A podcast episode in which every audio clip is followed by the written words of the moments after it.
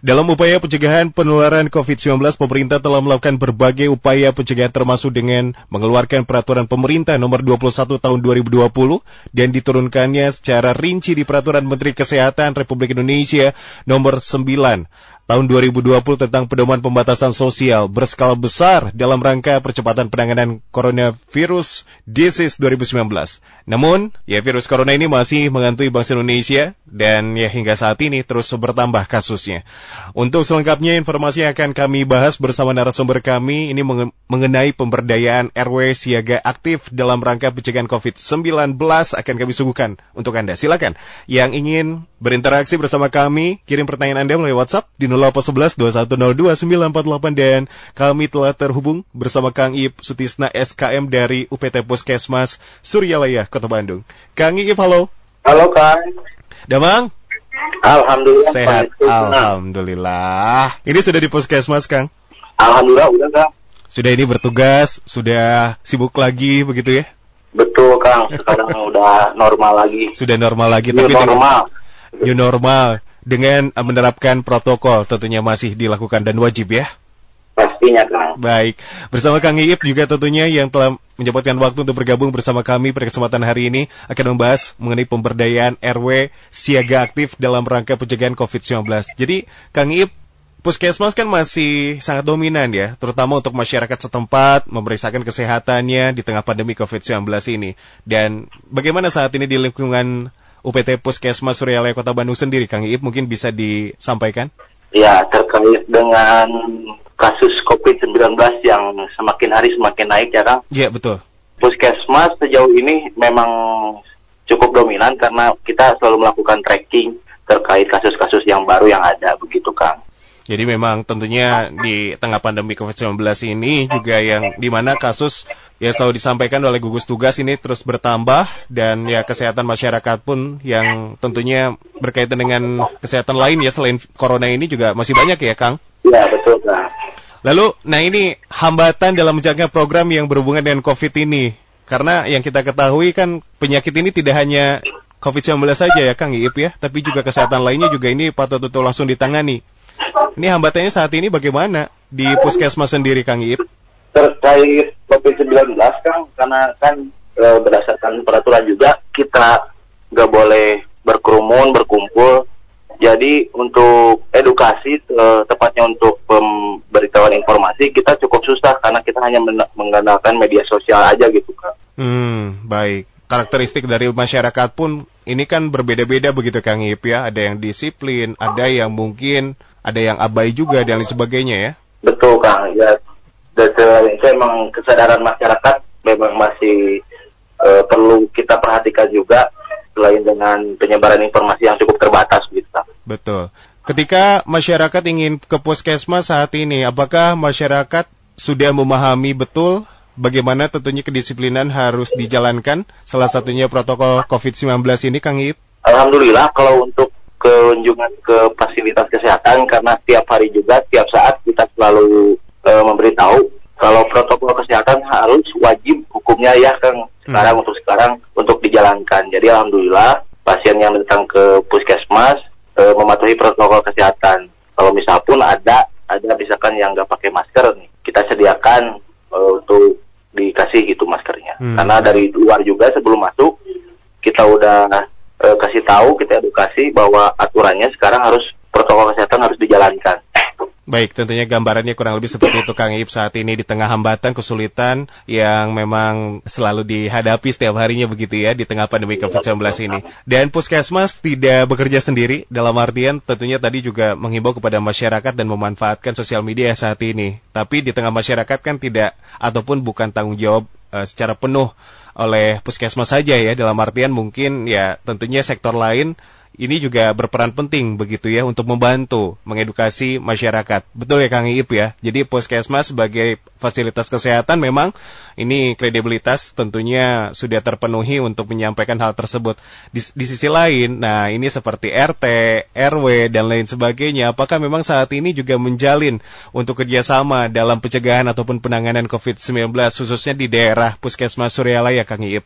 Ya, betul sekali Kang. Seperti uh, tadi akan sampaikan untuk kasus ini sebenarnya untuk semua penyakit ya Kang ya. Iya. Jadi tidak bisa dijalankan oleh puskesmas saja.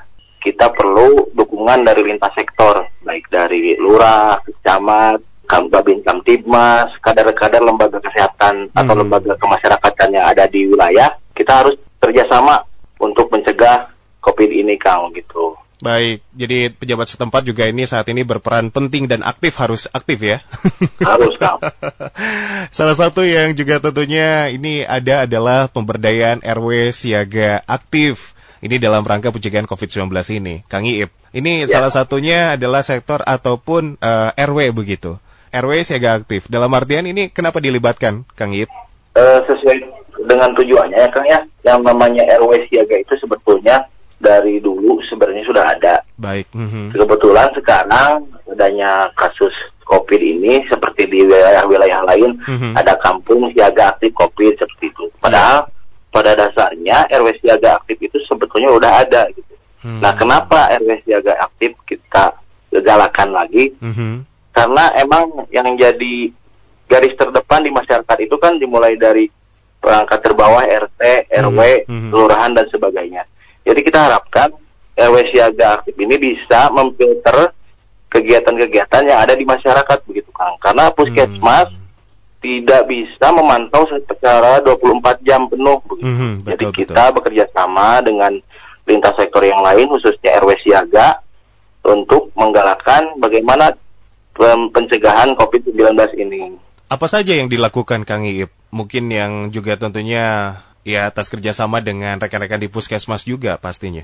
Untuk RW siaga ini sebetulnya eh, awalnya kita karena sekarang kan udah dibikin gugus tugas Mhm. dari kelurahan juga. Jadi RW setempat, khususnya RW setempat, itu mereka memfasilitasi misalkan sarana-sarana untuk cuci tangan, Hmm. terus akses yang dibatasi, yang misalkan tadinya gangnya ada berapa akses, empat bisa empat keluar untuk mhm. jalan keluar. Sekarang dibatasi jadi satu pintu begitu kan untuk fasilitas kesehatannya. Selain itu RW, kadar kesehatan, kan taruna juga kita edukasi edukasi bagaimana caranya untuk memberi informasi kepada masyarakat tentang pencegahan, tentang gejala klinis, tentang penyebab dari COVID-19 ini begitu Kang. Ya, jadi gambarannya kurang lebih seperti itu ya. Tentunya Ya. peran aktif dari perangkat salah satunya adalah tentunya rukun warga yang memang ini juga berperan saat ini dalam pemberdayaan masyarakat untuk pencegahan COVID-19 di tingkat RW. Ini juga mungkin eh, tentunya kerjasama yang sudah terjalin da- sebelum pandemi ber- mungkin ya, karena memang ini program sudah lama mungkin ya Kang Ip ya. Iya betul. Ini bukan program baru mungkin Mhm. karena sekarang lagi lagi happening mungkin kasus ini lagi naik-naiknya. Jadi RW siaga seolah-olah baru muncul padahal eh, dari dulu juga program ini sudah ada. Oke, ini seberapa efektif penanganan COVID ini melibatkan aparat setempat? Kalau dibilang seberapa efektif menurut saya harusnya sangat efektif karena selain puskesmas yang men-tracking atau mencari masalah-masalah kesehatan RW khususnya misalkan ada ada warga yang baru pulang dari luar kota, ada yang sakit atau atau ada yang lain sebagainya. Jadi yang lebih dahulu tahu keadaan tersebut adalah RW karena masyarakat diwajibkan untuk lapor begitu Kang. Oke. Jadi eh, seolah-olah untuk mencari data juga selain untuk eh, yang lainnya. Baik. Lalu, nah ini kan juga perangkat RW begitu ya setempat Bapak RW-nya dan juga jajarannya. Ini kan juga nantinya akan mengedukasi masyarakat ya, eh, memoni- memonitoring lah istilahnya begitu Kang Iip. Lalu apakah ada tentunya bekal informasi dari rekan-rekan Puskesmas terlebih dahulu kepada petugas yang nanti aktif untuk mengedukasi masyarakat secara luas Kang Iip?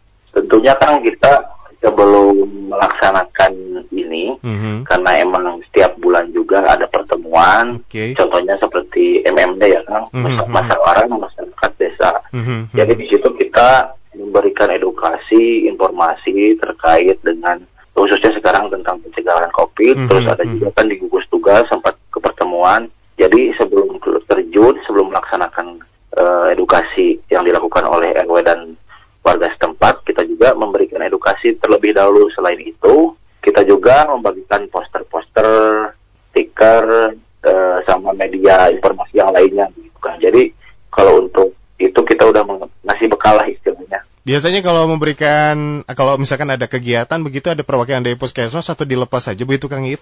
Ada biasanya kan kita juga kan eh, monitoring juga, jadi nggak hmm, sampai hmm. dilepas. Okay. Karena itu juga bagian dari program kita juga kan sebagai fasilitator puskesmas tidak melepas begitu saja. Tapi mungkin frekuensinya aja yang tidak terlalu padat kan kita juga jarang ya untuk keluar untuk keadaan seperti ini. Paling mm -hmm. kita evaluasi berapa minggu, berapa bulan begitu kan. Mm -hmm. Lalu pemberdayaan RW Siaga Aktif ini sudah berjalan berapa lama, Kang Ip, di tengah pandemi ini? Apakah sudah dari awal atau mungkin baru-baru ini? Kalau misalkan perencanaan kita udah dari awal berkaitan dengan tugas tugas juga. Hmm. Sejauh ini sudah lumayan kan ada dua bulan lah lebih, tapi ya kalau misalkan dilihat dari keseluruhan RW belum semuanya efektif karena kan kemampuannya mungkin berbeda-beda ya kan. Betul, betul, betul. Lalu bagaimana di wilayah kerja Suryalaya sendiri ini bagaimana kondisinya? Alhamdulillah Kang, di wilayah kerja Suryalaya meskipun uh, wilayahnya kan agak sedikit jauh gitu tidak di wilayah binaan sendiri mm -hmm, karena mm -hmm. kita harus melewati beberapa kelurahan. Tapi kalau dilihat-lihat setelah dievaluasi kondisinya cukup bagus jadi di setiap uh, eh, RW mm-hmm. ada mhm. fasilitas untuk tangan, mm. akses untuk masuk juga terdibatasi begitu Kang. Ada selalu diadakan ada grup RW juga. Betul. Uh, sering mereka nge-share gitu tentang informasi-informasi terkait COVID begitu mm-hmm. Kang. Mhm. Yang paling penting adalah yang valid ya, bukan yang hoax ya Kang. Ya itu sekarang itu Kang. Takutnya kan masyarakat juga, jangankan masyarakatnya kita juga Kang. Betul. Kalau misalkan ada berita hoax itu jangan ditelan mentah-mentah lah gitu. Betul, Harus betul. di, di filter dulu. Apalagi media WhatsApp grup ya mudah sekali untuk nge-share uh, informasi-informasi apa pun gitu ya. Dan iya. yang pastinya bukan ngegosip juga ya WhatsApp grupnya ya Kang. Enggak. gosip, gosip satu wilayah gitu, satu RW. Bukan gosip ibu-ibu ya. Ibu-ibu. ya baik, dan itu tadi mungkin disampaikan oleh Kang Ifit listeners ya bahwa pemberdayaan RW siaga aktif dalam rangka pencegahan COVID-19 ini khususnya di Kota Bandung sudah dijalankan ya dengan tentunya eh, kalau misalkan ada kekurangan ya harap dimaklumi begitu ya Kang Ip juga menyampaikan ya. karena ya itu tadi keterbatasan SDM mungkin ya karena memang kondisinya berbeda-beda di setiap wilayah. Namun di Betul. kawasan kerja atau wilayah Puskesmas Suryalaya hingga saat ini berjalan dan baik-baik saja ya begitu ya tetap aktif. Nah ini saya menarik Kang Iip tentunya uh, warga masyarakat saat ini memang kebanyakan sudah menyediakan sarana prasarana cuci tangan begitu ya. Nah, Kang Iip sepengetahuan ataupun menurut sudut pandang Kang Iip, saya lihat bahwa masyarakat saat ini juga tidak yang bukan seperti di awal-awal ya rajin cuci tangan di luar dan sebagainya. Saat ini juga hanya sebagai fasilitas saja untuk formalitas bahwa salah satu untuk betul pencegahan. Tapi masyarakat saat ini mulai mulai tidak intens lagi nih cuci tangan Kang Iip. Nah, betul Kang. Terkait dengan fenomena tersebut memang gerakan cuci tangan atau PHBS dan seperti awal-awal adanya COVID ini ya Kang ya. Betul. Sekarang mulai mulai melempung lagi gitu lah. Tidak tidak seintens sebelumnya. Nah itu juga jadi PR tersendiri bagi kita puskesmas khususnya dan lintas sektor atau pemerintah setempat bahwa kita jangan bosan-bosan untuk mengingatkan masyarakat mm -hmm. agar tetap mematuhi, mematuhi protokol kesehatan khususnya untuk cuci tangan begitu Kang karena memang itu fenomenanya semakin ke sini apa nggak tahu juga ya mungkin mereka terlalu bosan kan atau misalkan udah harapannya udah udah udah kurang atau gimana? Saya juga yeah. ngerti soal itu.